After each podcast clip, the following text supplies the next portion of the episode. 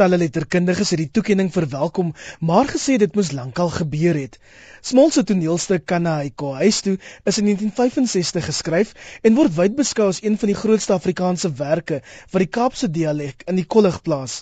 Sy vrou, Dr. Rosalie Smol, het die toekenning namens hom ontvang en sy aanvaardingstoespraak voorgeles.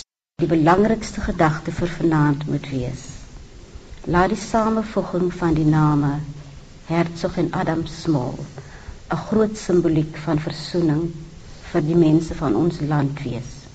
Politieke versoening is belangrik, maar intellektuele versoening wat slegs deur die filosofie en die kuns gedra kan word, is diepsinniger en die grond van alles.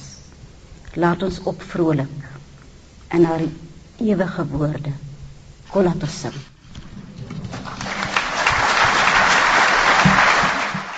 Die voorsitter van die Suid-Afrikaanse Akademie vir Wetenskap en Kuns, professor Wannie Karstens, het gesê dit is heel gepas om Smol met die hoogste akkolade te vereer. Die veteraan radioomroeper en aktrise Margo Luit, bekend vir haar radiodramas en hoorbeelde, is vereer vir haar besonderse bydrae gewone mense in ongewone liggame. Luit het haar kunsvorm verduidelik.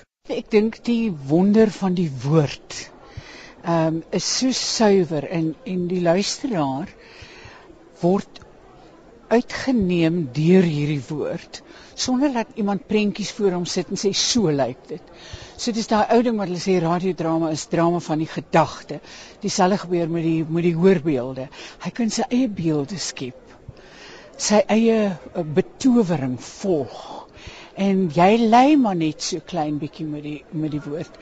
Maar ek dink ook dit het baie te doen met die inhoud uh, natuurlik het dit te doen met die inhoud, maar dit het baie te doen met wie dit ook al opstel wat hulle plaas. Die journalistieke uitnemendheid van die bekende Afrikaanse joernalis Zelda Jongbloed is ook erken. Jongbloed is 'n afgetrede adjunkredakteur van Rapport.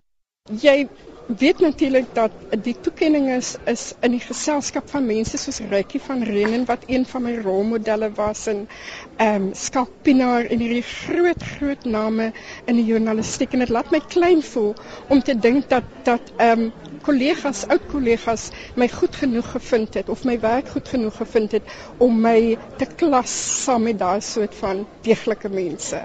Verder is Ingrid Winterbag se wetenskaplike navorsing oor die Afrikaanse letterkunde ook deur die akademie vereer.